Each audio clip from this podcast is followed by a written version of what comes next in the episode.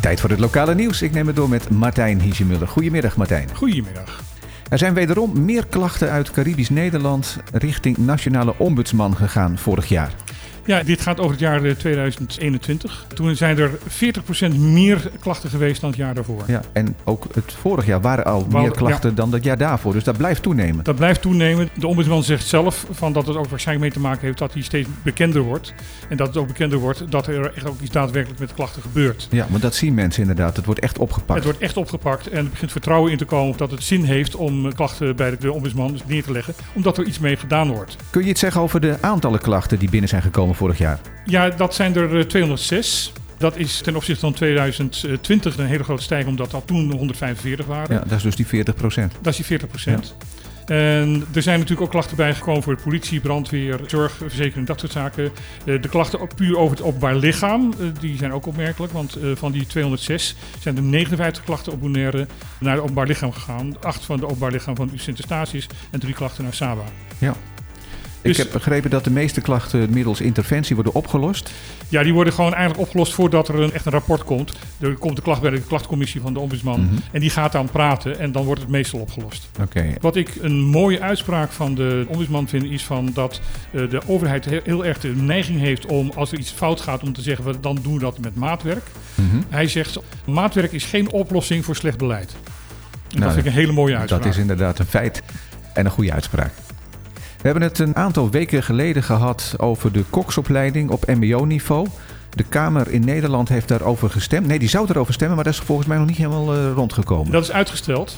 En dat heeft ermee te maken dat minister Dijkgraaf, vroeger professor, daarom wilde ik bijna professor zeggen, heeft verteld van dat hij de Kamer niet goed heeft ingelicht. Het gaat eigenlijk over de taal waarin die opleiding eh, Ja, gegeven het gaat wordt. over opleidingen in- op niveau 3 en 4 van mensen die eh, over het algemeen al aan het werk zijn, het Nederlands niet goed beheersen, maar wel heel graag een diploma op niveau 3 of 4 willen, eh, willen halen, Ja. omdat ze op die manier op Bonaire extra carrière kunnen maken. En dat kan op dit moment niet, omdat bij niveau 3 en 4 de eis is dat je dat in Nederlands doet. Ja. Het is een uitermate kleine groep, het gaat echt om kleine aantallen. Mhm. Voor die groep willen ze dus een uitzondering maken dat ze dus wel een niveau 3 of 4 opleiding MBO kunnen volgen, zonder dat ze dus dat in het Nederlands hoeven te doen. Daar is bezwaar tegen bij VVD en PVV, want die zeggen van ja, dan ontnemen die mensen het, normale recht om, als je zo'n opleiding hebt gevolgd, in Nederland door te kunnen studeren. Want als je dat in papiaments hebt gedaan, dan spreek je te slecht Nederlands.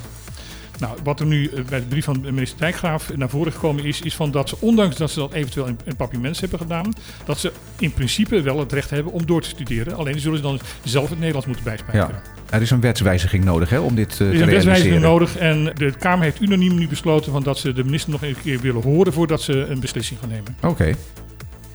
Dan even naar wat cijfers. In 2020 is er wederom een positief resultaat van 3,5 miljoen dollar behaald door het Openbaar Lichaam Bonaire. Maar eigenlijk is dat negatief nieuws. Ja, dat is net zoals met COVID. Eh, als je positief bent, dan is het negatief. Goeie vergelijking. En eh, dat is in dit geval ook, want dat betekent gewoon dat het OLB wederom in 2020 te weinig geld heeft uitgegeven. eh, minder dan ze begroot hadden en minder dan ze beschikbaar hadden. En dat begint zo langzamerhand, vindt het college Financieel Toezicht, een structureel probleem te worden in Bonaire. Eigenlijk elk jaar, eh, de afgelopen jaren, wordt er te weinig geld uitgegeven. Dat betekent gewoon dat het openbaar lichaam te weinig doet. Want dat is eigenlijk de oorzaak van het overschot. Ja, want ze, ze nemen zich allemaal dingen voor en eigenlijk doen ze dat dus niet. Dus er is wel een potje geld voor beschikbaar Ja. gesteld, maar ze komen niet aan het beleid zelf toe. Ja, en dat betekent dus gewoon dat er gewoon te weinig beleid gevoerd wordt en dat er te weinig projecten worden uitgevoerd en dat het daarmee dus negatief is voor Bonaire. Dus wat moet er gebeuren? Moeten er meer ambtenaren komen? Of moet- moeten de huidige ambtenaren harder aan het werk? Nou, er is ook een onderbesteding op personeelskosten, dus er worden te weinig ambtenaren aangenomen op dit moment, waardoor inderdaad ook het werk blijft liggen. Ja, nou is personeelstekort natuurlijk een groot probleem overal. Dus dat Ja. zal waarschijnlijk ook een klein beetje mee hebben gespeeld. Dat zou kunnen. En wat het college van Financieel Toezicht vooral erg eh, steekt, is van dat de redenen waarom dingen niet gedaan zijn, niet worden uitgelegd. Ja. De wet op het voortgezet onderwijs, de WVO en de WVO-BES, wordt aangepast. Zijn er echt dingen die wezenlijk veranderen? Nee, we melden het even om ook verwarring te voorkomen. Er was tot nu toe een aparte wet voor Europees Nederland en voor de BES. En dat Ja. wordt nu één wet, maar eigenlijk inhoudelijk blijft het allemaal hetzelfde.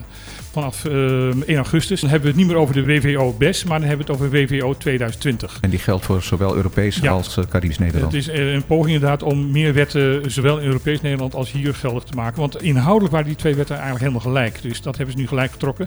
En ze hebben het wat beter leesbaar gemaakt. Nou, dat is altijd handig. Dan groot nieuws, tenminste, dat zou groot nieuws kunnen zijn. Want een Amerikaanse journaliste, best wel bekend van CNN volgens mij, Greta van Susteren, heeft gezegd de sleutel te hebben in de zaak Natalie Holloway. Ja, het is een hele oude zaak. Een Amerikaans meisje wat in Aruba verdwenen is. Ja. Eh, vermoedelijk vermoord, maar eh, bewijs hebben ze daar nog steeds niet van, want ze hebben het lichaam nooit eh, kunnen vinden. En daar was die Joran van der Sloot bij betrokken. Joran van der Sloot was erbij betrokken, die is daar ook voor veroordeeld. En Greta van Susteren, Amerikaanse journalist, ze een compleet Nederlandse Ja. naam heeft.